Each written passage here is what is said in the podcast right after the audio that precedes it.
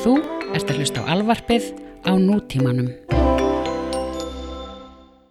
Hefnendurnir eru í bóði Makland.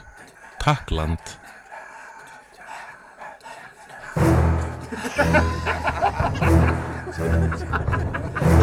Já,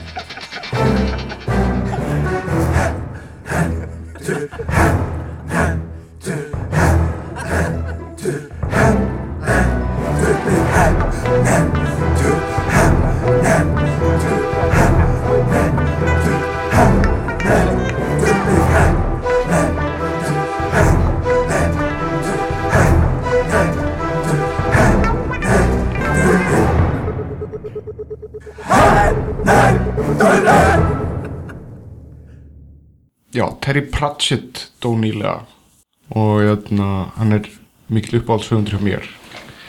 Og ég fjekk í heimsók vinið mína Bjarna og Þóri sem, Þóri er enda frændi minn líka sem eru, eru, sem sagt, eru jafn elskir á Terry, Terry Pratchett og ég. Til þess að bara svona spjalla eins um mannin og bara svona halda smá minningamessum Þeir eru konið með kaffi og svona Þið með alveg stökku inn í hvernig sem er sko.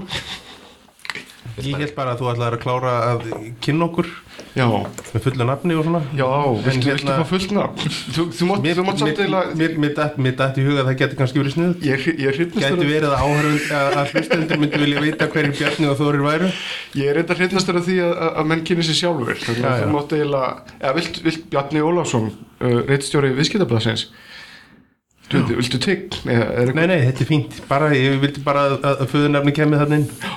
Og Þóri Rapp Gunnarsson um, Lögfræðingur Lögfræðingur, mm engin, engin aðri svona, þú, þú ert búin að, þú ert búin að svona þig úr öllum nefndum og svona. Nei, nei, þetta er allt í góðu, þetta er góð til bili Nó- nó- Nógu slemt að vera titlaði lögfræðingur. Já, án þess að bæta öðru við Já, en ég ætla en já, Terry, Mhm. vinur okkar, Pratchett. Já, um, Guð blessi minningu hans. ég sé að þú ert, þú ert með þú, Bjarni er akkurat núna með svona hatt. Ég setti upp hatt til heiðusterri já, Þetta er eitthvað norskur rallarhattur. Ekki alveg eins og hattarnir sem að Terry var með en svona þetta er eini svarti hatturinn sem ég á. Já, hann var svona gjarnir af svona Stetson típur kannski ekki alveg Stetson en hérna, já svona bar, barðastórir svartir hattar sem hafa með. Já, hattar sem að fyttuðu vel við, við hérna sverðið sem hann let búa til úr loftsteini. Já hann, bjó, hann let ekki búa til, hann bjóða til sjálfur. Hann hefur ekki búið það til jú, hann sjálfur bjóða til sjálfur. Með aðstóð já, auðvitað fór hann til játsmiðis og, og, en hann, hann lærði yðnina og hann slóða til sjálfur og, og, og sem sagt forjaði það sjálfur. Já, sem er, sem er einmitt það sem, að, sem, sagt, sem var tilgangurinn með ég gerði mér ekki grein fyrir því. Ég held að hann hefði bara látið atvinnumann gera þetta. En hvað er sverðið þitt, Bjarni? ég á ekki sverð. Oh. ég á ekki sverð en um, ég á hníf sem ég er ekki með á mig núna. Ég er þetta geti björgaði, en hérna En kannski by- ef við byrjum bara á uh, Þórir, ég meina hvað er það við Terry Pratchett sem er svona skemmtilegt?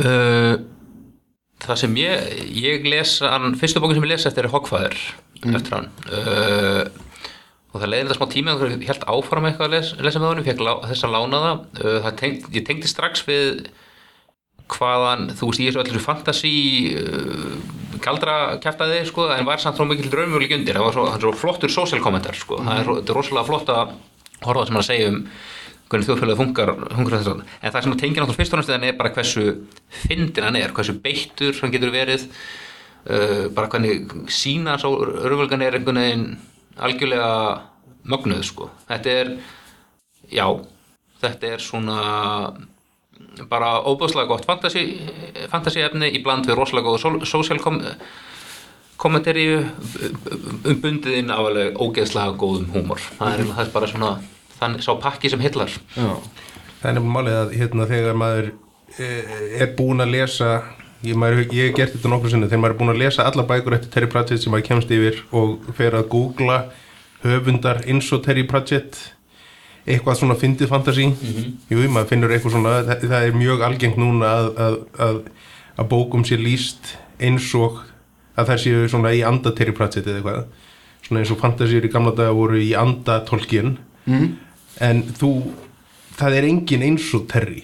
Nei, það er engin sem að nær einmitt því sem að, hérna, að búa til góða sögu með personum sem að ná til þín og eru jafn fyndnar og, og, og, og Terry tekst að gera. Það er, það er engin sem að nær honum í því.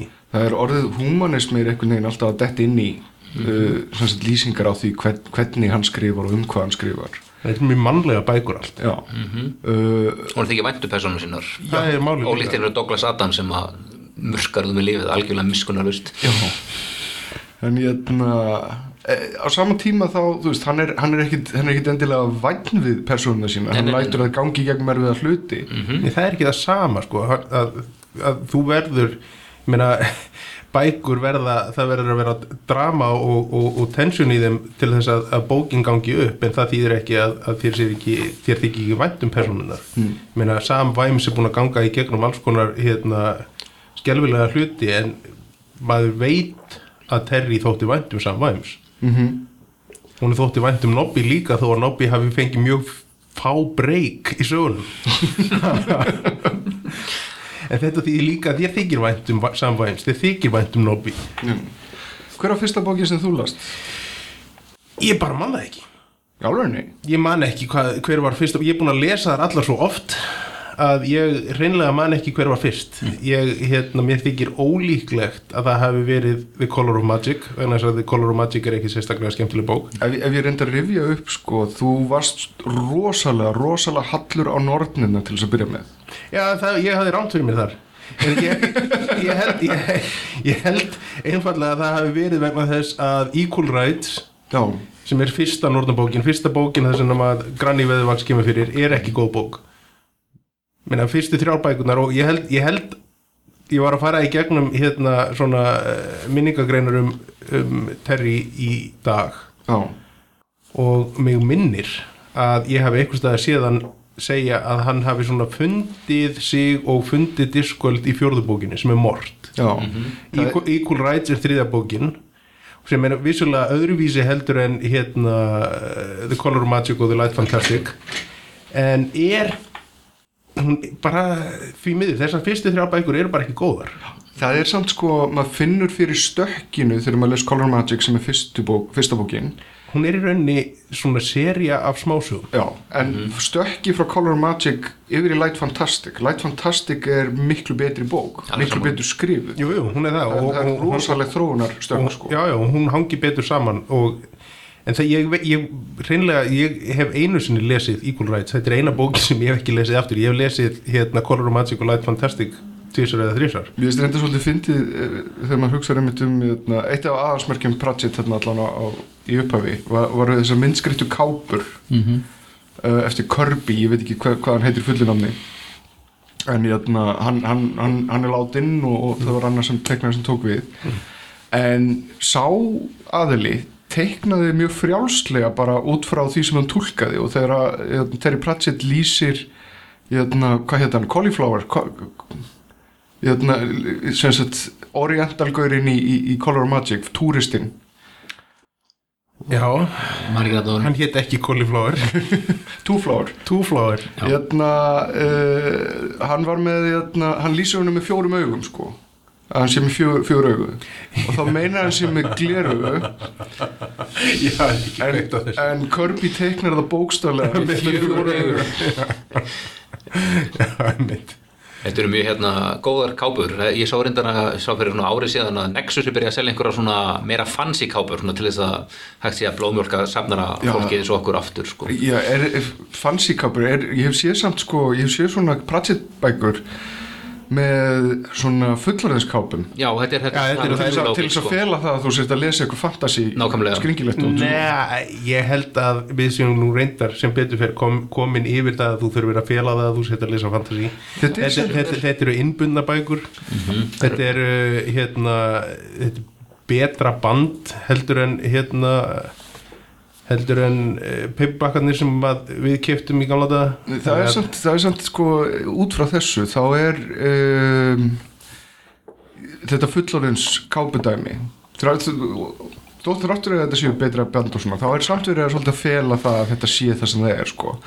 vegna þess að það, það er ákveðið snobbgagvart sjannra sem er, ég er heldur alveg samanlega því að, að, að, Það- fyrir minkandi eftir því sem eldri lesendur fekkar ég held að það hafi breyst mjög mikið bæði hérna þegar eh, Lord of the Rings varð mainstream svona endanlega með myndunum og þegar hérna Harry Potter bækunar kom út að, og núna þegar hérna allir og, og amma þeirra hárfa á Game of Thrones Á, þetta er samt, þetta fant, samt fantasy, bara, er, fantasy er orðið mainstream. Þetta er samt raunverulega bara síðast í einn og hálfu áratugurinn vegna þess að, að Pratchett einhvern veginn í gegnum sinnferil upplifir það oft eins og hann sé í ruslakistunni.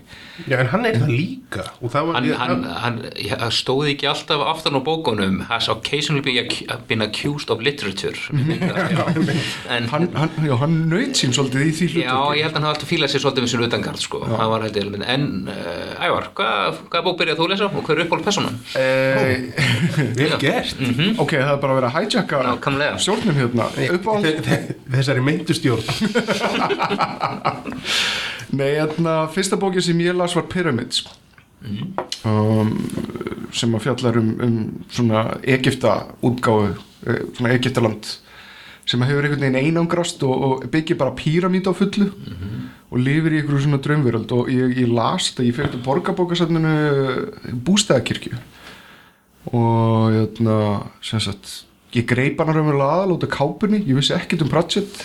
Ég held að ég hef verið 18 eða 19 og uh, ég svona það var svona eina af þessum bókum sem maður puðraði gegnum á einum degi sko. Bara en Pratchett er þannig og, hérna, og maður kláraði þetta bara út nóttina. Maður var vakandi framöndu morgun og síðan gætt maður ekki beðið eftir að komast aftur í bókasafni til þess að ná í næstu bók. Og einhvern veginn þá hef ég verið fastur í Pratchett síðan og hann er eiginlega ég held að ég verða að kalla hann bara einlega uppáhalds höfund, höfundur minn. Vegna þess að ég, það er engin höfundur sem ég hef lesið núlíðandi eða dáin uh, sem að ég hef lesið jafn mikið og jafn, hann er náttúrulega mjög, mjög virkur höfundur 40 diskulbækur en það er engin höfundur sem ég hef lesið jafn mikið. Um, og já, það er uppáhalds persóna um, ég er búin að vera svolítið svag fyrir hérna, uh, Moist, von Lipvik í nýju bókunum. Uh, hérna, Making Money og, og, og, og Going Postal og, og Racing Steam. Það er eitthvað, svona svag við hann sem ég en, en, ertu, að, að nota orðið svag S2AG er, Já. ertu, veikur fyrir honum svag í, í, í dönsku menningunni? Í bæði. Já, hann er svagalegur. Er ég hérna nei, hann er svag, góður skilur. Hann er, hann er, hann er svindlari, hann er, hann er þrjótur sem Hann er að- ekki þrjót. jú, hann er þrjótur, hann er í upphafi sem sagt uh, making money. Þá er hérna sem sagt uh, á að hengja hann fyrir svik já, ég meina hann er svikari og hann er svindlari en ég myndi ekki kalla hann þrjó. Og hann hefur alls konar hluti á samviskunni sem að Terry Pratchett fyrir alveg bara fyrir ítarli í. Já, já. uh, þar sem hann hefur tekið peninga af einhverjum, einhverjum saklausum ekkjum og, og, og, og, fólki sem að kannski sá gæti ekki séð eftir því. En en hérna með Making Money nei, herðu, ég, ég ætla að leiða þetta mig. Uh, Lord Vettineri er, er alltaf uppáhaldspersónum minn hann er fullkominn hinn hin, hin ill góðviljaði uh, hann, hann er Rúler hann er, hann, er, hann er svona erki, erkitýpan af hérna hinnum upplýsta innvaldi Já. hver er þinn uppáhalds karakter Þórir? Uh, hann tók hann lokametrónum sko en Sam Sam- Það er dæmi, dæmi gert fyrir ævar að ná að taka tvo karaktera þegar ná að velja. En þú veist, það eru, það eru náttúrulega margir að er náttúrulega sögurnar með Sam Væms eru það bestu sko. ég veist samt ekki alveg hvort að hann sé upp á haldkart með byllinni sko. það er bara svona þetta flakkar svolítið, það er erfitt þú veist, döið er náttúrulega góður og allt svo leiðis og svo eru svona utanáleikindi karakter jafnvel sem að maður hefur, er, komur hennu aldrei fram í bókunum eins og til mér sé hefði vel, mikið vilja sjá einhverja sögu um Bloody Stupid Johnson á einhverju tímpunkti þú veist, hún hlýtur að hafa einhverstað verið í einhverjum handritum eða eitthvað sko, það, það, það, stóð í minningagrínum að hann hefði klárað síðustu bókina sína síðasta sumar. Og ég er að veltaði fyrir mig hvort að það sé The Long Mars eða hvort að það sé til handrit sem er óútgefið en þá Ég veit ekki. Það var í óskandi. Þeir dúkka ekki alltaf upp þegar einhver svona ritthöndurinn í döðir þá kemur ljósa þeir áttu einhver óutgefin handrit einhver staðar Jú, jú, og svo er og svo kemur þetta ljósa að það er ástæði fyrir þú er ekki gefin út en hérna ég, Já, Þú, mátt, þú mátt kannski svona bara lýsa betur hver Bloody Stupid Johansson Johnson. Johnson. Johnson. Uh, já, arki, þetta er sem sé arkitekt sem hefur verið mjög virkur. Það kemur aldrei ljós nákvæmlega á hvaða tímabili hann var virkur en það er hann er sem sé já, au- augljóslega látin og hann hefur hannað þeirna ólíklustu hluti og þeir er alltaf mjög impressífir fyrir utan það er alltaf einhver svona galli við þá.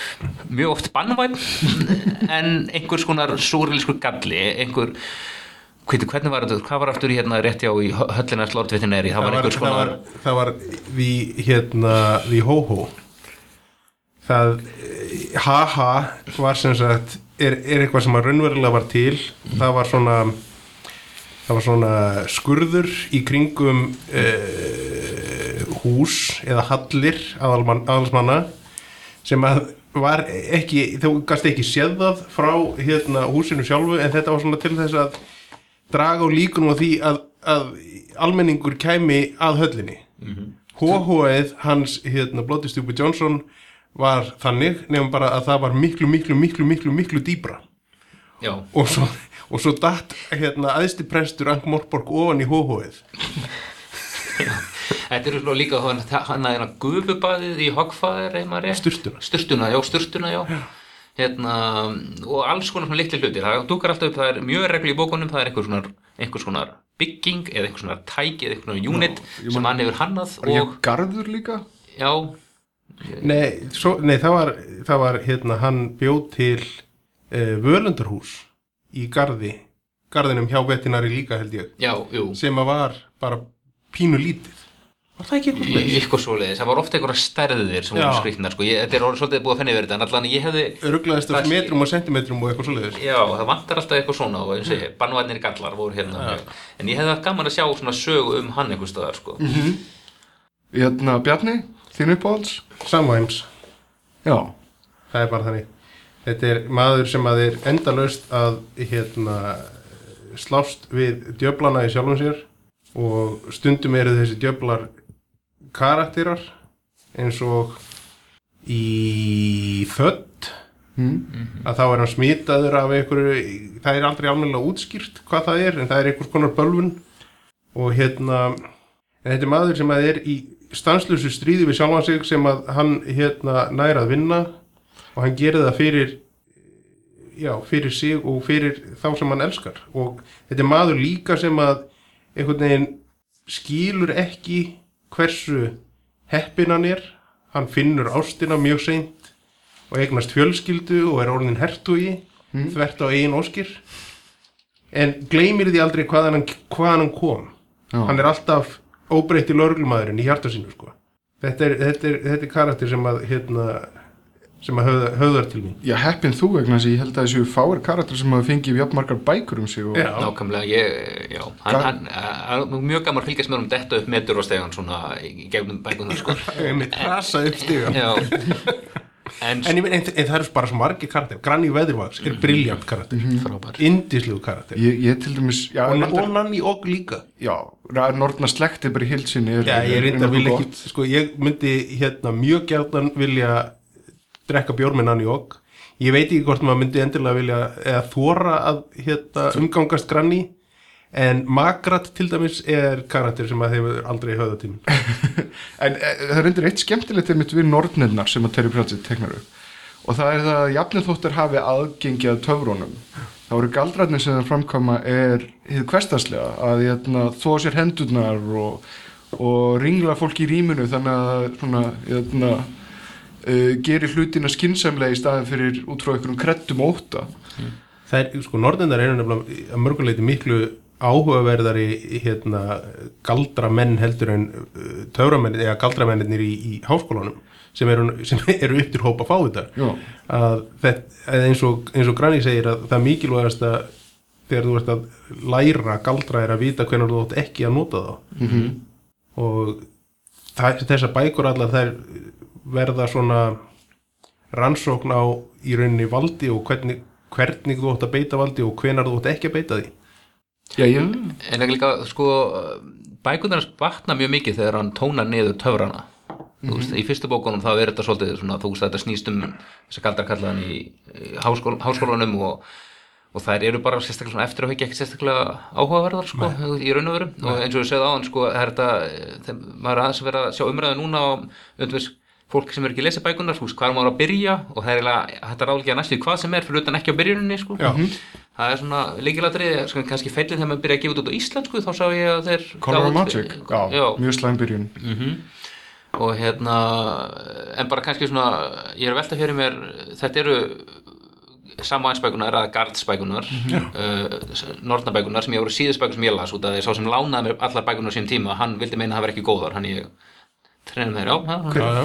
Hva, Hver sagði hvað? Ég, ég ætla ekki að, ég ætla ekki að, uh, ég ætla ekki að nafngreina viðkomandi en hann getur orðið fyrir aðkasti. Hérna, ég, Mjög uh, samgjörnu aðkast Já, vissulega En hérna ja, hann lánaði með allar bækuna Name and shame maður það Já, er- hann býr í með alltaf Jónsson heitir hann. Heyrðu hérna, uh, það eru norðanbækunar uh, það eru svona töfra bækunar Já, Rinsvind eiginlega einhvern veginn að hlaupa undan heiminum. Já, hann, er eiginlega sérstaklega skemmtilegur. En hann er alltaf einhvern veginn kannski manneskja sem er í bakgrunni þess sem er í raunverulega að gerast hann er, hann er voðalega lítill dúer nema í stöku tilfellum og rétt undir endan þegar hann hættir að hlaupa í Já, burtu eða hleypur óvart á óvættin. Það er svona spurning hvort að það í staðin fyrir að tala um reynsvindbækunar að tala um bara uh, galdrakallam Já, galdræfalinu, jú, það er betra sko. Uh, og það það er náttúrulega bækuður um dauðan uh, og svo svona, svona small gods og fleiri sem eru svona pyramids og fleiri sem eru Já. svona freestanding sko.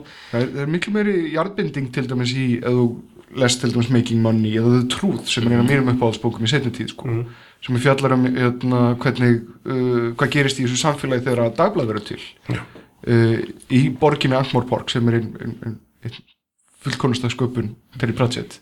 Svona síð, síð hvað, miðalda hvað, hvað, Það er, það, er, tímabili það er voða erfitt að skilgreina það eitthvað Það er út frá, svona- út frá erfúrsku sögu hvenar þetta er eða hvers konar tímabil þetta er þú ert með 19, ör, samt svona, mér finnst svona, þetta er svona early industrial London, að já, hún er komast þangað, Já, hún hefur verið hefði maður haldið en þetta er, það er líka mjög mikið miðaldadæmi í þessu sko. Já, já, já, hann blandar þessu náttúrulega bara saman Já, er hann bara býr þetta til en, hún hefur það verið er, að þróast. Mhm, heldur betur. Mjög hratt en það er samt svona eins og hérna, eftir því sem að líður á hérna, útgáfuna að, að þá færist þetta nær okkur í tíma.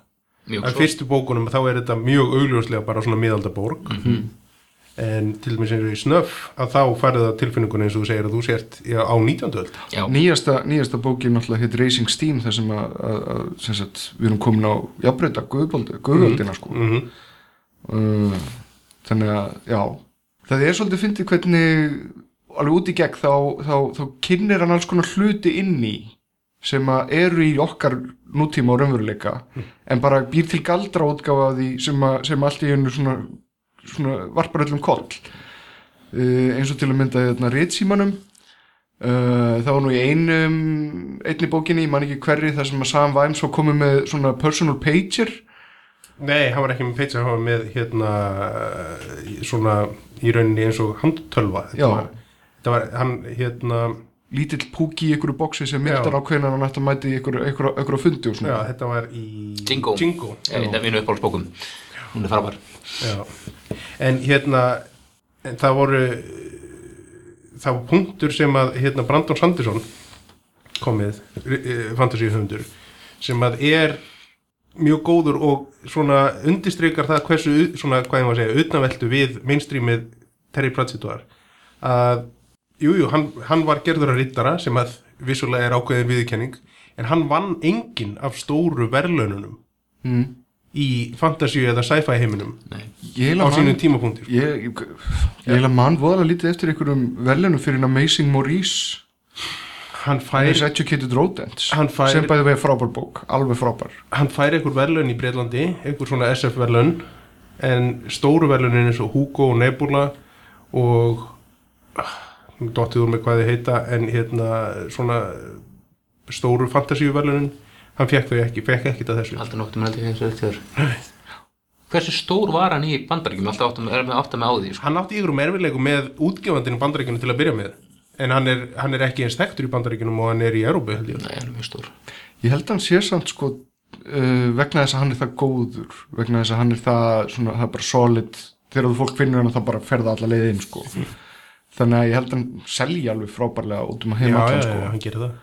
Uh, En Brandon líka kom með punkt sem ég held að hérna, þú hefur örgulega komið undan honum samt að hérna, eð Pratchett sé okkar Shakespeare að því leiti að eftir 400 ár þá verði fólk ennþá að lesa Pratchett. Já, en mjög, eða langt flestir af þeim höfundum sem eru vinsalir núna þeir verða glimtir ég, ég minna sko rótina bak við okkur ég kallaði hann Shakespeare okkar tíma er það að hann er ekki bundin við þessa þessar háflögu hugmyndur um það að, að, að, að krifja heiminn og, og, og vera púkalegur og leiðilegur sko.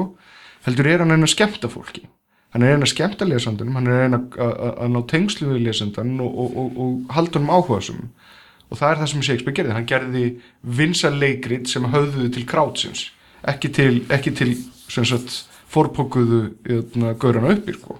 ekki til ykkar latti lepjandi treflana. Nema hvað að þetta er svo ríkulegt af því líka að, að sagt vísunum og, og, og heimsbyggi og, og dýft og, og, og bara svona ástamankininu og, og, forvitni. Já, þetta eru er tímalösa bækur. Til dæmis eins og Djing- Djing- hérna, Django er augljóslega skrifuð hérna eh, svona sem svar við á, ákveðinni svona heimsvalda og, og hernaðastefnu hjá vestuveldunum en hún er, það er engin bein tenging við eitt eða neitt þar. Þetta er, bara, þetta er sjálfstæð saga um það hvernig heimskir menn geta rekið hvern annan í stríð. Mm.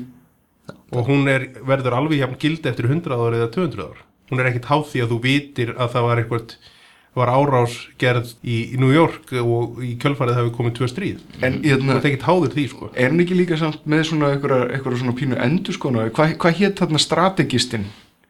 Uh, taktikus. Taktikus Tacticus, já. já.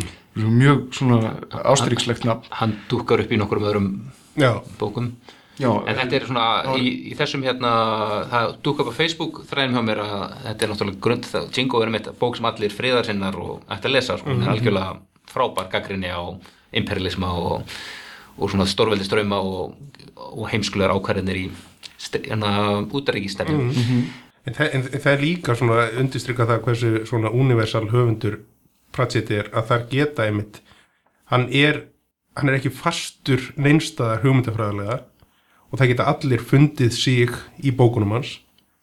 Sko eins og þú segir friðarsinnar, þeir geta fundið hérna, þeir eru mjög hrifnir af Jingo fyrir hérna frjálsíkjunöttara þá er Guards Guards mjög mikið í henni sem er mjög gott. Mm og til já, það er svo sem ágætt að reyta hlustendu þínu til reyði en til dæmis eins og hérna það sem hann talar um afleiðinga þess að gera vopn ólögleg.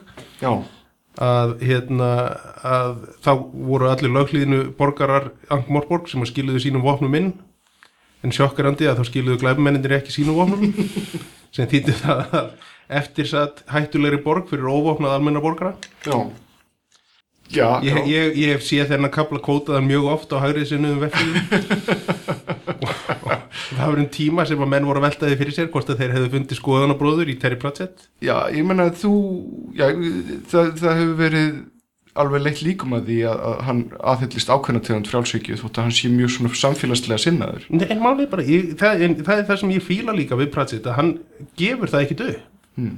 Og af hverju á hérna, höfundur að vera að stimpla sig inn á einhverjum skala í pólitík, hann, bara, hann er sá sem hann er. Já, það má, það má benda reyndar á það að það eru, eins og segið, byrjunbókunum þá er rosalega mikill frálsíkju slagsvið, þú veist, það er þessi gild sem á stjórnöldu og þú veist einhvern veginn þannig, en þeim sem líð, líður á bækunar, þeim er meira ábærandi hlutar hvað er ríkisvaldið í þeim. Þannig að ég held að, ég held að við við, við, við sósaldemokratinu vitum hvar þeir er fært að stóði raun að veru. Mér finnst það sko bara óháð öllu. Pólitíslaust Ég vil ekki fara að rífast um það en, hérna, nei, en kannski, kannski er ég mitt í hérna, kjarninni í þessu að hann er ekki endilega að tala um einhverja stefnur eða ströym að heldur meira hið mannlega og hvað, Já, Já. hvað þú veist, vegna þess að, að þú veist, svo maður vitni í Homer Simpson Communism Works in Theory síðan kemur hið mannlega eðli og klúðrar öllu uh, að hérna, hann einblýnir svolítið á þetta mannlega eðli frekar en, en, en, en, eins, eins, og, og rítuðundur á að gera Já. Svona fregnirnar á andlandi Terry Pratchett gerði mig svolítið dabran. Mér fannst reyndar pínu huggun í því að ég sem sagt er með síðunast Terry Pratchett tengda á Facebook. Og sá þá að þar var, þar var keppni eða uh, sem sagt á föstudeginum eða fimmtudeginum áður. Þá keppni sem að, eh, ekki keppni, bara, já, þú mátti fá, þú gast fengið eitthvað eintak af, af, af bók, áreitið eintak og þá beðið um sögur uh, frá fólki um það hvernig Terry Pratchett hefði haft áhrif á það og sagt, fólk skrifaði sagt inn í kommentakerfið og sendi inn alveg í gríðverk og það voru alveg þúsundir sko, svara. Hvernig, hvernig uh, Terry Pratchett hafði áhrif hafði, hafði þannig áhrif á fólk að það uh, ákvaða að gerast höfundar að það ákvaða að ganga ykkur, ykkur ganga ykkur nákvæðin uh, vegi í lífinu. Hjálpa orungutunum og hérna, uh, þessum að mér finnst það pínu hugunni mitt að þetta hafi gerst svona rétt á undan og hann hafi fengið þetta í hendurnar fyrir andlandi að, að því gefnu að hann hafi verið í þeirri stöðu að skilja það. Meðtaka, já, maður veit ekki hversu veikur hann var orðin undir það síðasta sko. Já. Uh, ég, ég man eftir að ég hafa séð mitt síðasta myndin sem ég sá á honum. Þá fannst mér svolítið dreigið á já, og það var þegar að Neil Gaiman og, og hann tók upp lítið cameo hlutverk fyrir Good Omens útastleikrit sem var flutt núna um jólin um, um áramóttinni Þeir tókuð, var það ekki, ég, ég las eitthvað og Neil Gaiman var ekki að þjá sig um það á sínum tíma þeir ástæðin fyrir þeir ákvaða að taka þetta upp núna bara með hversu veikur Terry Pratchett var. Það var búið að vera að fresta þessu og fresta þessu og fresta þessu. Það var ákvaðið að keira í gegn út til þess að hann myndi nú vera í lægi til að heyra loka produktið já, já, já. en því, því að við vantar að lesi greinuna sem að e, Neil Gaiman skrifaði hvað var það, 2013 um það hvað það er sem að drífur, nei það var bara núna 2014, það var bara núna var það í fyrra? Já. það sem að, það sem að drífur hann áfram. Já, reyðin Terry Pratchett er ekki jolly, hann er reyður já, mér fannst það það vera mjög, mjög áhugavert. Svona, sérstaklega vegna þess að bækurnar hans eru ekki reyðar mjög langt Bæ, bækurnar hans eru bækurnar hans eru jolly. Neil Gaiman hefur þetta tjásið um það áður að hann, hann var einhvern veginn leðert að miskilninga var að tala um, ég held bara í bloggfæslu hjá þessu fergarinn grein að, hérna, að það var ákveðin miskilningur með, með good omens að var sem sé allt sem var svona dögt og þess að það væri frá honum komið og allt sem væri skemmtilegt og fyndið væri Terry Pratchett. Þess að það hefði bara alls ekki verið svoleiðis. Hérna, e, en hérna Ég reyndar held að Good Omens sé svo bók eftir Terry sem ég hef lesið oftast. Er algjörlega frábær. Og hún verður umverulega til út af því að Terry bara, sem sagt, hann Neil Gaiman skrifaði fyrstu 15-20 blæsuðunar uh, og ég held að já, ég var að hlusta á viðtal við hann og þá segir hann að uppálega áttu þetta fjalla bara um William, the Antichrist. Og hann skrifar þessar 15-20 blæsuður og síðan dettur hann í það að gera sandmann og er bara fullu við það að, að, að vinna í því daginn og inn. Og Pratchett hefur samband við hann og segir ok, þú hefur tvo mö- valmöguleika hérna. Annarkvort uh, selur mér hugmyndina eða við vinnum að því saman að skrifa þetta út vegna þess að mér langar að vita hvað gerist næst. Og hérna Neil Gaiman segir auðvitað selja þér ekki bókina vegna þess að ég er ekki heimskur. Og lísti þessu þannig að þetta væri svolítið eins og ef að Michelangelo svona pikkaði í öxlina og segði hei, langar til að koma og mála hérna, loftið með mér. Mm, mm, mm.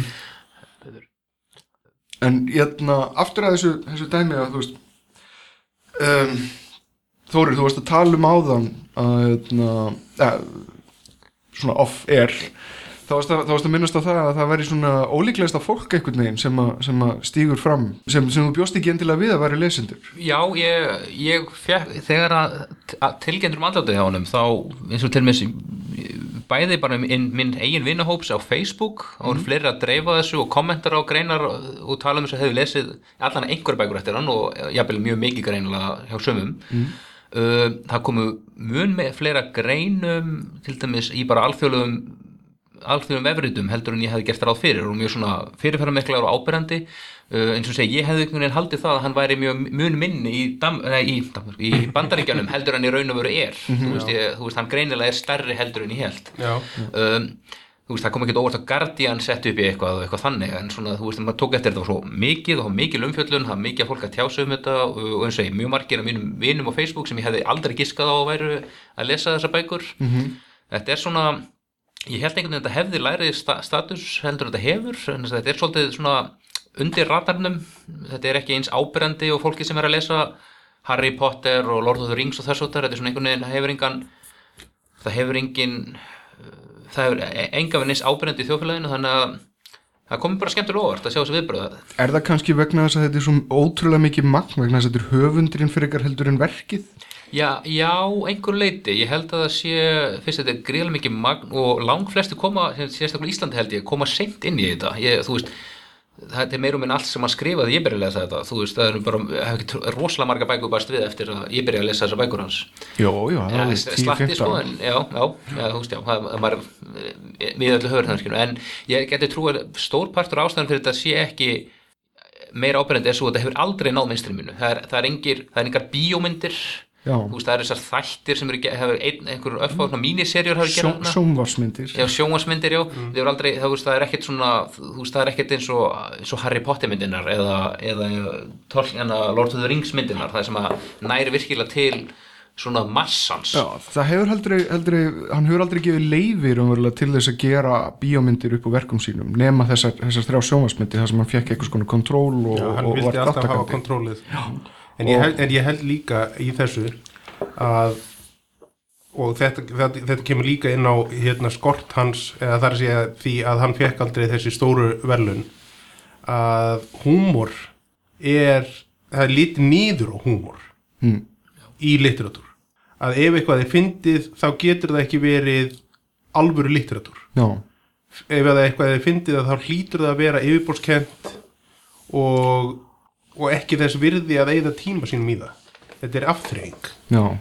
Og sem er náttúrulega bara ránt Já, Sko, sérstaklega, fyrsta sérstaklega í tilfelli Terry.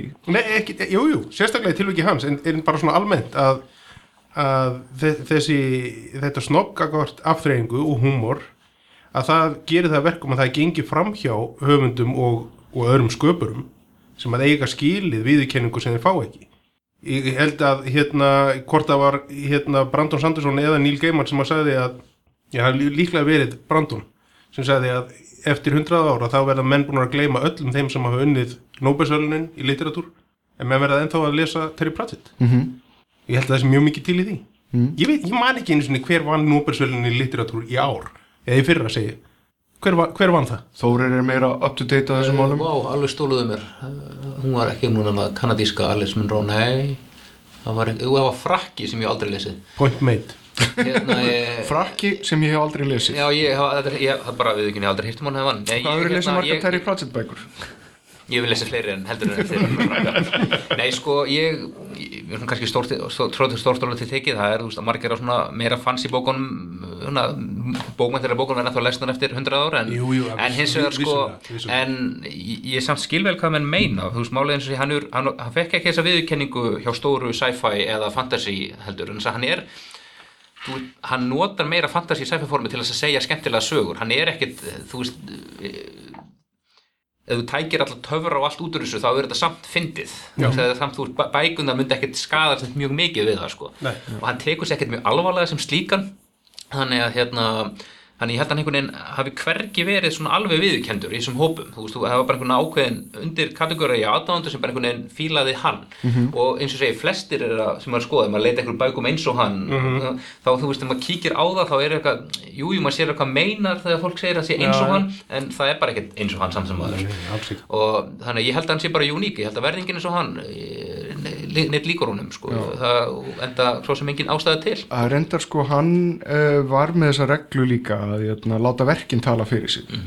Uh, það með þess að kvóta eitthvað stað þar sem maður segir að, good or bad þá er það orðin sem að maður skapa sem að, sem að fólk heyrir og, og, og, og tala fyrir mann. Og uh, það er svolítið áhugavert reyndar að ég las líka eitthvað stað að hann er með þá reglu að þegar hann er búin að skrifa bók þá eyðir hann öllum dröftum vegna þess að hann vill ekki að einhverjir, bókabjósar og, og, og, og, og fræðimenn fari síðan að kafa niður í verklagans og sjá hvernig hann kemst að svona loka afröðinni Hann vil lenga Kristoffer Tolkien. Nei, en á sama tíma er hann bara mjög svona gjöfell til dæmis á það að gera science of the Discworld og svona til þess að finna leiði til þess að, að, að miðla vísindum og, og, og, og vegna þess að hann til dæmis er ótrúlega, eða var var hérna ótrúlega áhugaðsamur um bæði vísindi og stjarninsfræði og, og svona realisma sko. hann var hérna þrátt fyrir allas að fantasíu þá er hann ekki trúað sko. En hérna, ég, það er þetta mjög, mjög gaman að þegar þarna, það er hérna í Ankh-Morpork, það er hérna gata núna, hvað er það, Street of Small Gods, eða Já. hvað það er. Jú, og ég hafði mjög gaman að því þá tímubili einhvern tímann kringum miðjan síðasta áratug, þá, þá var á plönunum, þá var, var allan svo hugmynd einhvers þar á borðum í borgarkerfuni, þetta var fjallamönd í fjölmjölum, að, hérna, að það ætti að veita þessum trúfélögum, hérna, ásatrúumönunum, uh, múslimunum og hérna krinsku réttarunum-kirkjunni mm. við minna að hún hefði þriðja. Ættu öll að fá lóðir hlið, hérna, hlið við hlið þannig að einhvers staðar í hérna í, öskilhliðinni og ég var bara eitthvað, wow þetta er, þetta er bara einhver hefur list að terja pratsið þess að bara, já, setjum bara all hér. En hérna uh, nei, ég, uh, hann náttúrulega nálgast þessi mál mjög svona já, ég hef ekki mikið og orðan hafi getið neins að trúa þegar maður les efni bókuna svona small god svona eiginlega getur ekki verið skýrari með það Já. Nei, menn það liggur líka bara í því hvernig nortinnar eru. Það er, það er hið uh, verklega, það er hið jarðbundna sem að það er nota sem galdra og það er alveg nákvæmlega sem trúin, trúna eitthvað. Já, en, en samt sko trúleysi Terry var samt aldrei eitthvað svona var- aldrei, var aldrei fráhrindandi eða svona var, var aldrei hann, hann sko til dæmis eins og með Guðina og, og trú að hann nálgast þetta ekki af einhverju vannvirðingu Nei, hann er ekki asshole about it eins og, eins og Dawkins. Nei, það er nefnilega málið.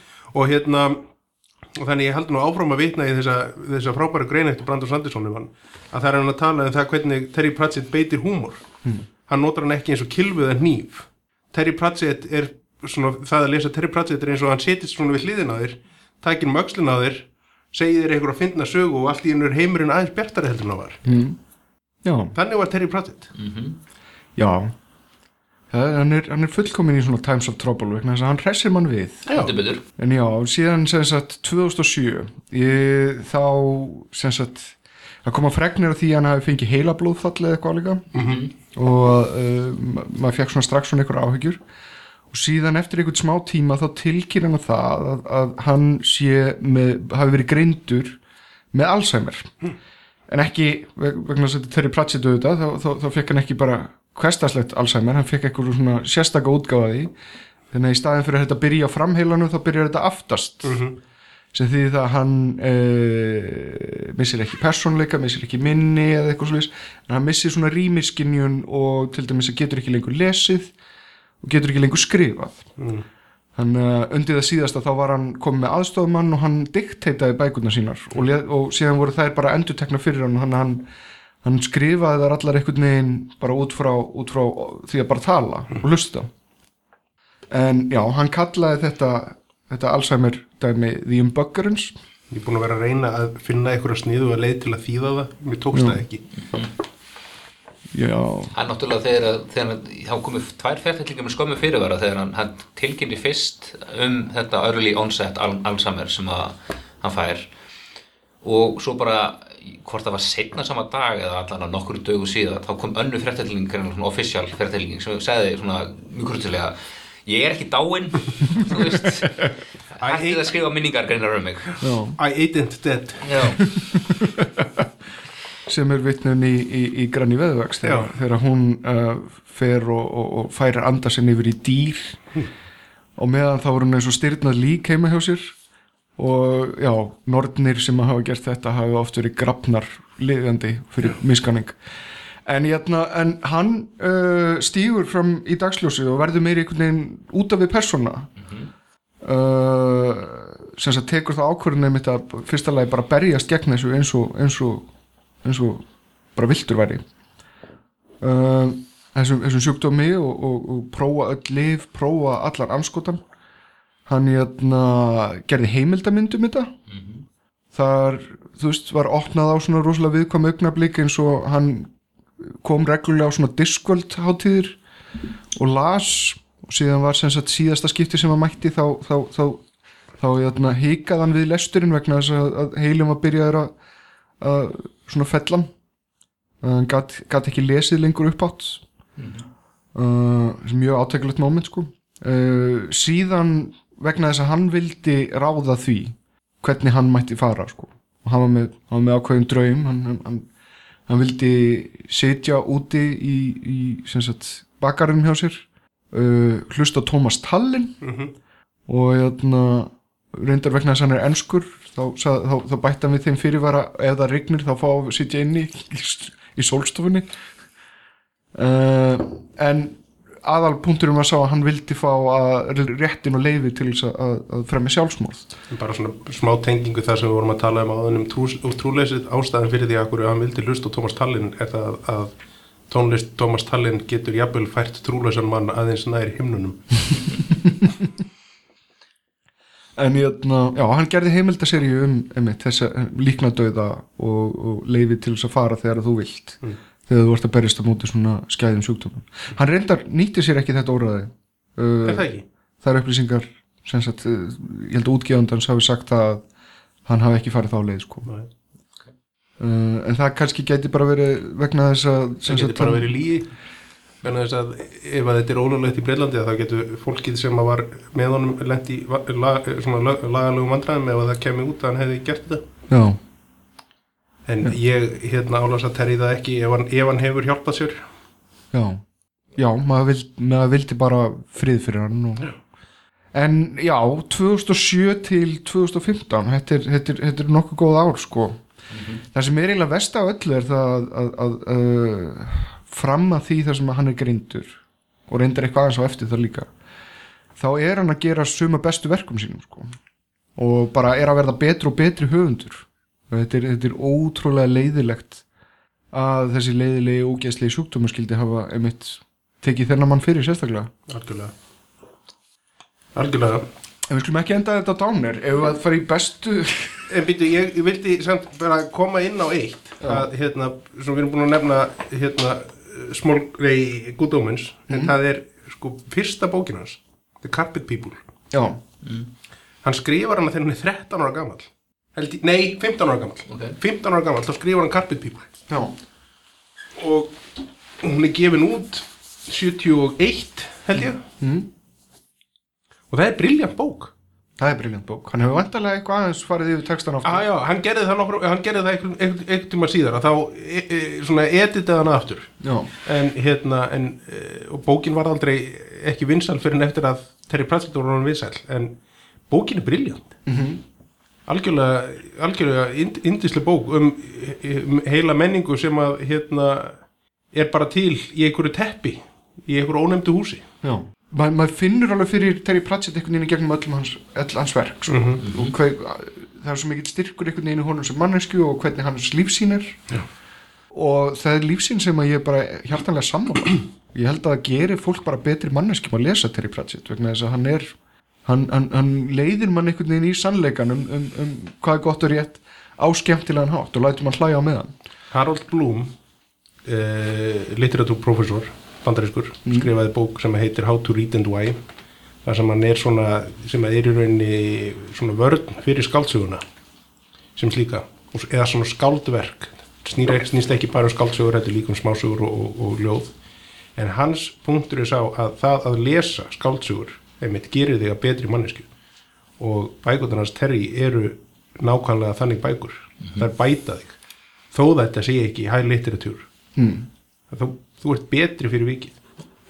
Ég þessi, þessi algjör, algjörlega hlutlega samkoma þryggja aðdáðanda við komist að þessu nefnist að en hvað segir, vildur þú fara yfir uppbóldsbækur? já eh, ég, svona bara svona, byrjað hvað- þú.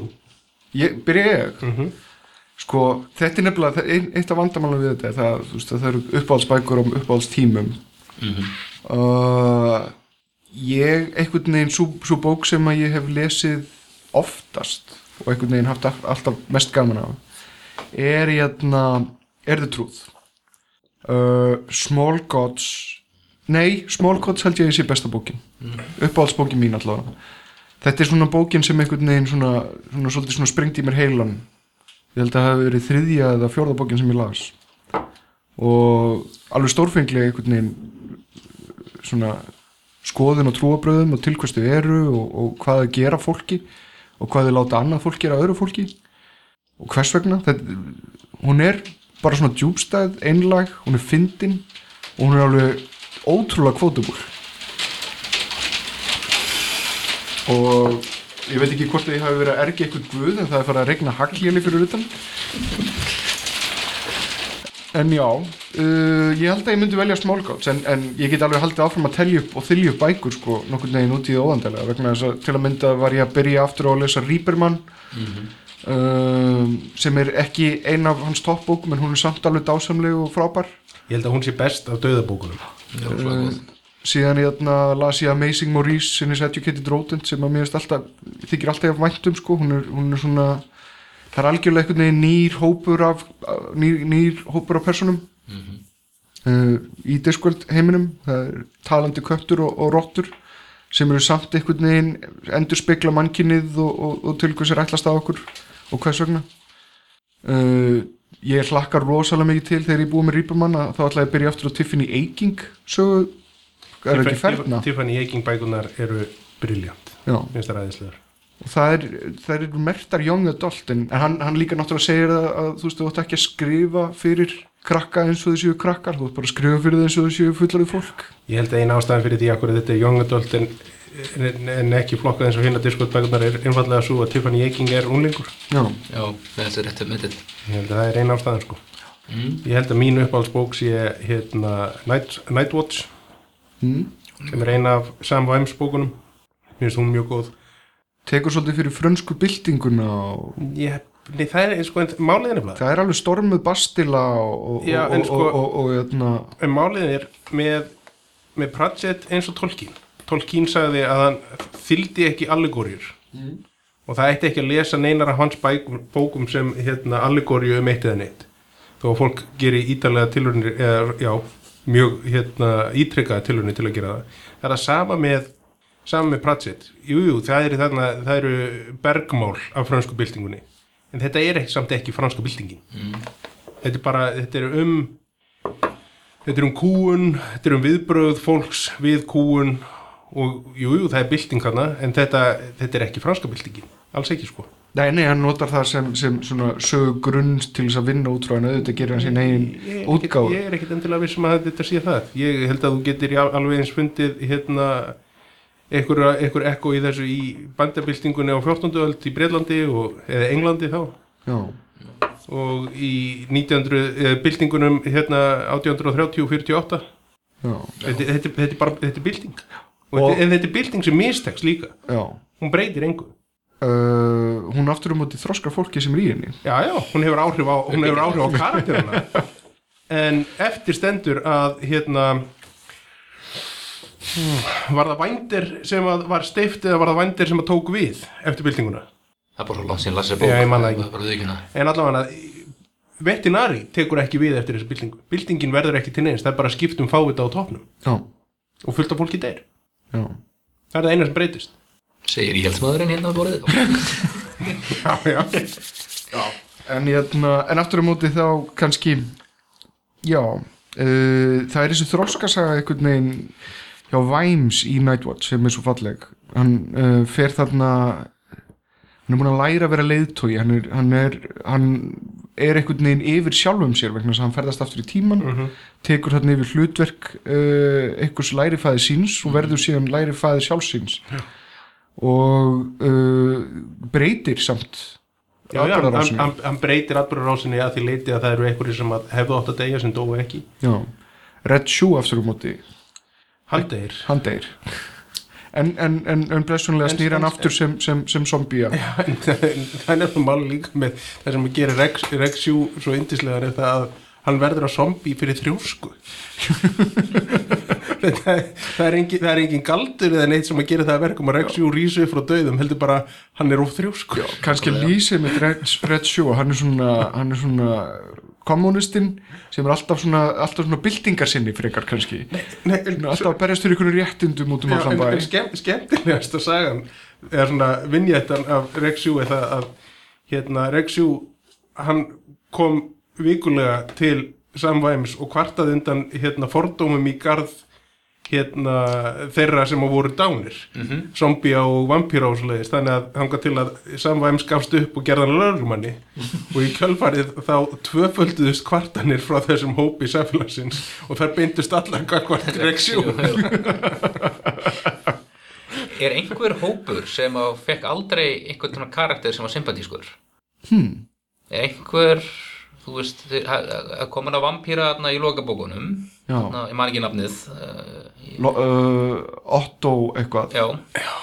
Er einhver hópur sem einhvern veginn fekk aldrei varúlvar? Var, Nei, nei, nei, nei, það er, nei, það er angúa? Mm, nákvæmlega, já það er það sjálfsög, vá, jésús. Uh, nei, nei, allir, allir, allir nema ríkisbubbar Já, hann er, uh, eru sympatískir. Mm. en jafnvel er, er konan hans Væms Já, er, já, er, hefðarkona já, hún, hún er, þetta er ríkasta kona í borginni? Já. jú.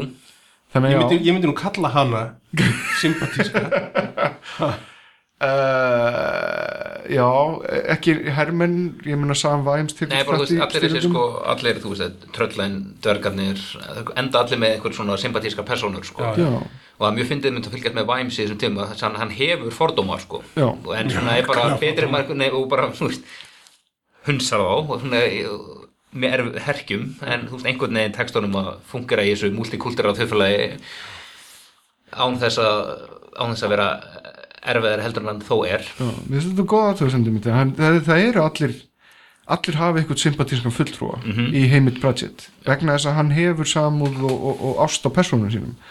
Og, uh, og er tilbúin að sjá það veist, það er eitthvað gott þarna leynist allstaðar þótt að það séu vissulega hérna, anstíkilegir karakterar þarna, sem, að, vilja allt.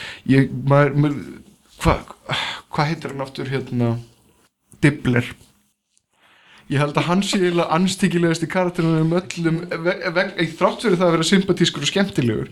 En þetta er, þetta er, svo, þetta er svona hér siðlusi sölumæðurinn sem að selur bara eitthvað í pulsuhylgjum. Selur það og það er, er svona legendary pulsur. En, sko, það, er, það sem er líka svo skemmtilegt í Dibbler er það að það er Dibbler í öllum borgum, allstaðar Já. hann heitir eitthvað annað í, í hérna í hvað heitir Arab, a, a, svona semi-arabíulandið Klats klats, þar, þar hétt hann Al-Jibla. Já, og þetta er alltaf sami karakterinn. Og lítur, þeir líta alltaf mjög svipað út. Og það, það fæst aldrei almennilega svar við því hvort að þetta sé bara einhver svona stór fjölskylda af mjög seti sölumönnum sem hafa, komið sér fyrir allstaðar Ég finnst þetta einn ein flott greininga mitt hjá Terry Pratchett að jæna, þessi slími sölumæður Dibbler að þegar að jæna, kvikmyndateknin kemur til jæna, Ankmore-Pork þá verður hann stóri Hollywood executive. Já, já, hérna, Moving Pictures já. Moving Pictures. Jú, það er æðislega, bók líka. Mjög skemmtileg.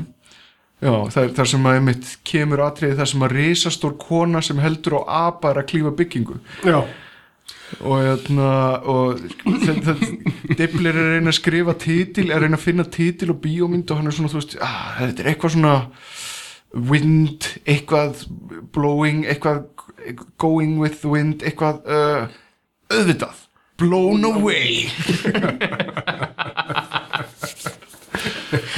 uh, en hérna Þórir, hver er, hver er svona þín uppáhaldsbók? Það er nú þetta svipa og segir þetta er svona mismunandi eftir hvernig maður var, maður stattur sjálfur bara einhvern veginn í lífinu uh, Small Gods er náttúrulega það er nú sennilega svo bók sem flestir vikna til þetta hún er svona bókvæntilegsta bókin það er svona hans svona dýfstu pælingar þetta er svona hans þú veist, maður einhvern veginn sér kannski hans heimsmynd svolítið skýrt þar mm.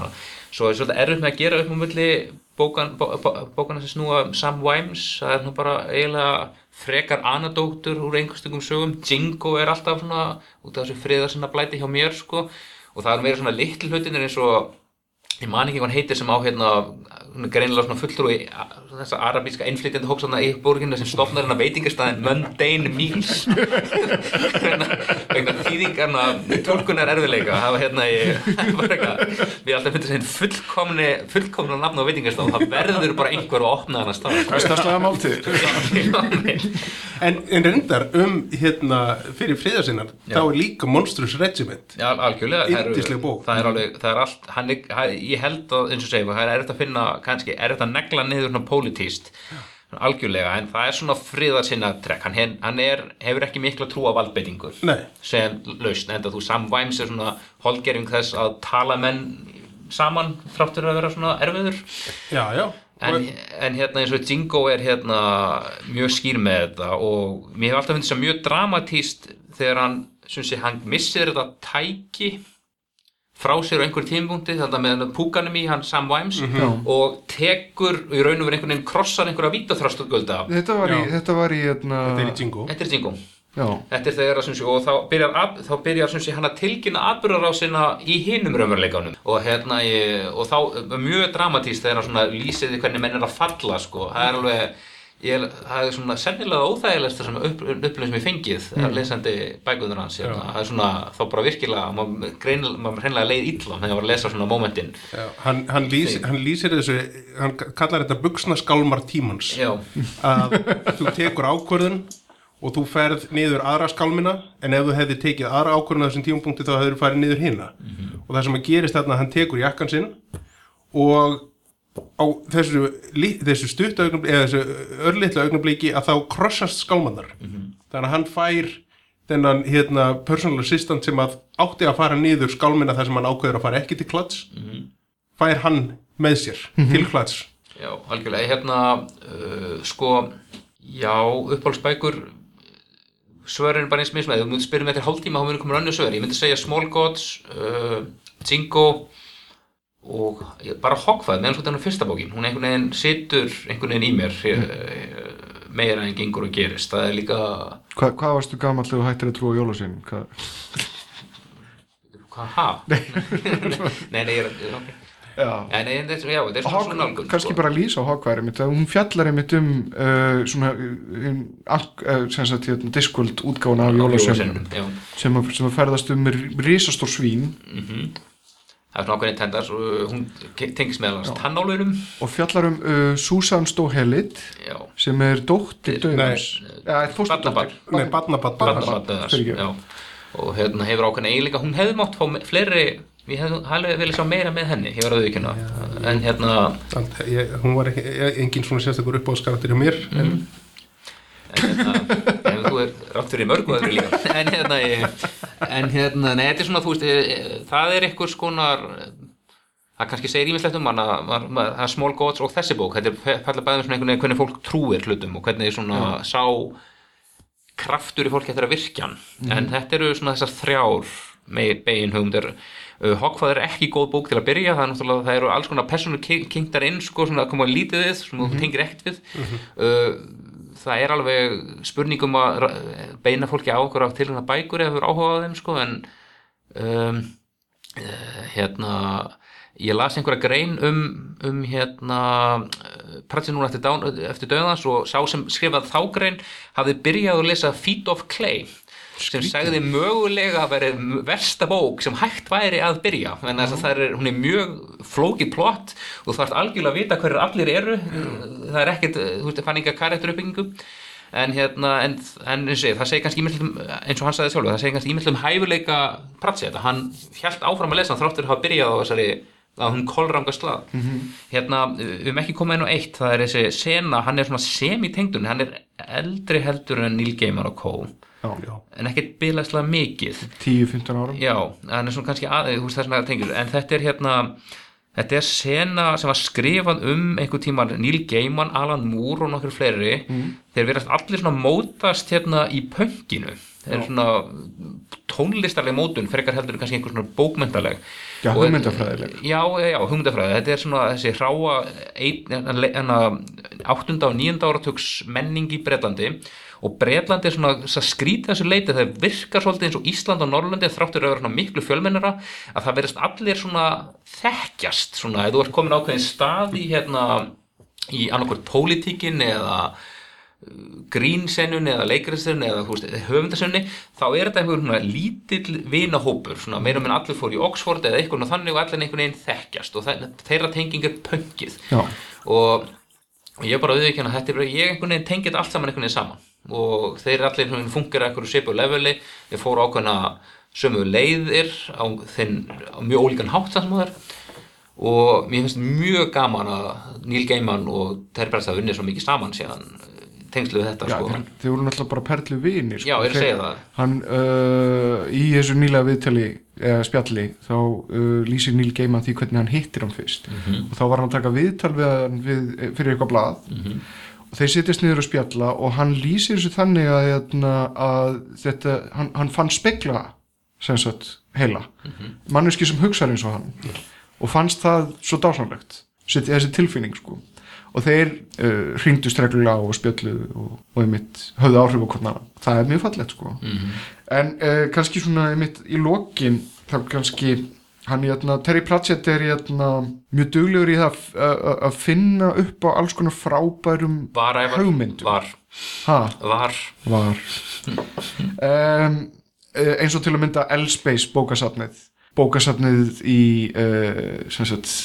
Unseen University sem er sem sagt háskóli galdrakallana í, í, í það sem er stjórnað af Úrangutan uh, sem er reyndar galdrakall sem uh, bókasafsvörður sem var fyrir hérna, óheiflegu slísi en komst að því að, að það var miklu þægilega að vera bókasafsvörður sem Úrangutan heldur en sem bara vennileg manneskja.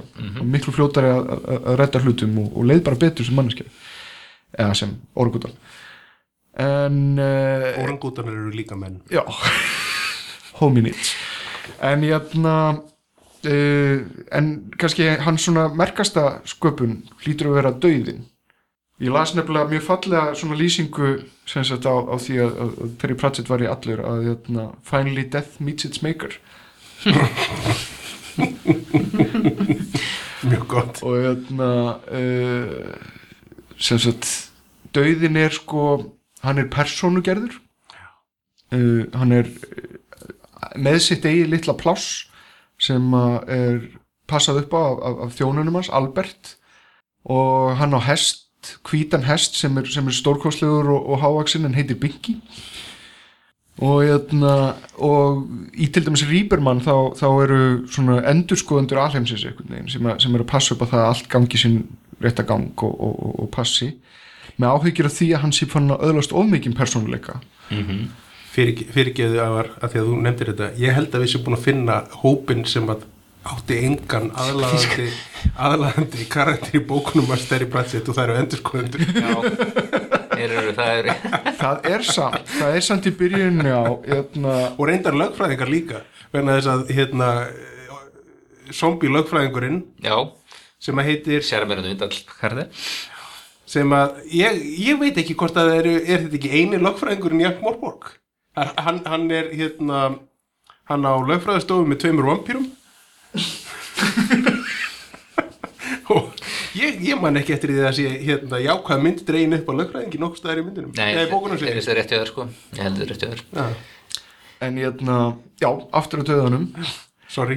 Hann, hann, þetta er sá karakter sem byrtist held í öllum bókum Terry Pratchett, næstu í öllum ég, ég man ekki eftir neini einni, einni svipan sko, þar sem hann hefur ekki gert einhvers konar Jú, hann getur nú, ég heldur hlutunum einhvers þar að vera Hann, Jú, jú, en hann er mjög mörg oft sko, og hann er meira að segja með svona lítinn auka döða sem er The Death of Rats. Uh, rottudöðin sem er, sem er lítil beinagrind á rottu með, í, í, í svörtum kubli með, með, með, með sig. hann, hann var til hann í hefur.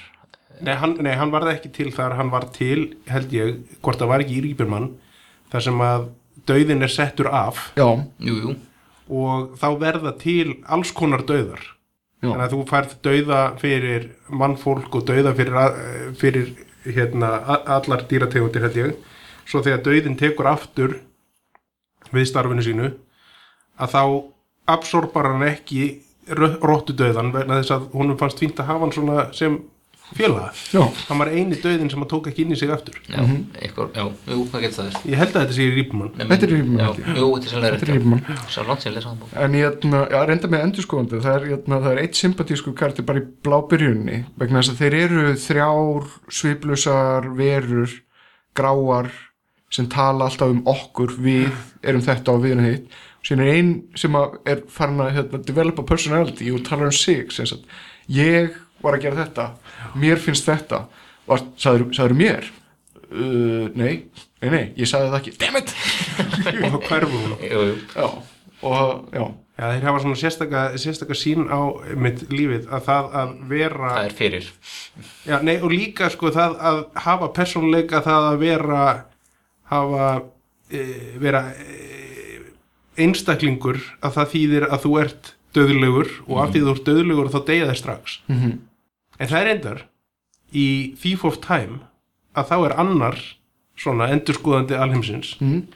sem að öðlast þennan persónuleika nær að fela það fyrir öðrum og verður sympatískur karakter þannig að endurskoðandir eiga sína syn, sympatíska karakter þannig að eftir standið því lögfræðingarnir. Nei, ég er bara að tala. Og líka, sem sé, einræðisarar eru talsett meira simtismálaður upp en hérna Já, þeir eru meira sympatískir heldur en lögfræðingar í bókum já, mér, það er mjög- skiljanlegt sko, held ég. Ég held að þetta sé fín loka orð. Erum við ekki örgulega hleyfti til hann hljóðum gálega í þessu? Já, við verðum kliftið til. Það er eins sko, Ég veit ekki hvort að við verðum, það verður gert til þess að láta okkur hljóma gála við treystum æfarið til þess að ekki? Hóst, hóst.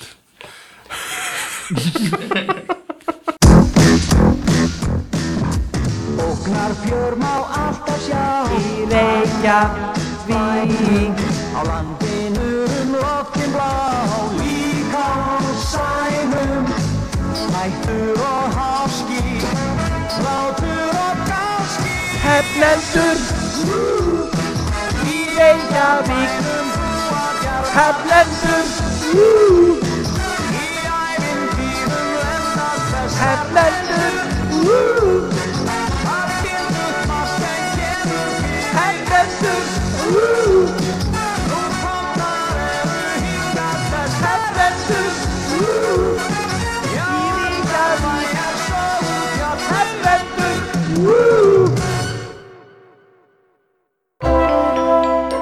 Þú finnur fleiri skemmtilega alvarpstætti á nútímin.is. Takk fyrir að hlusta.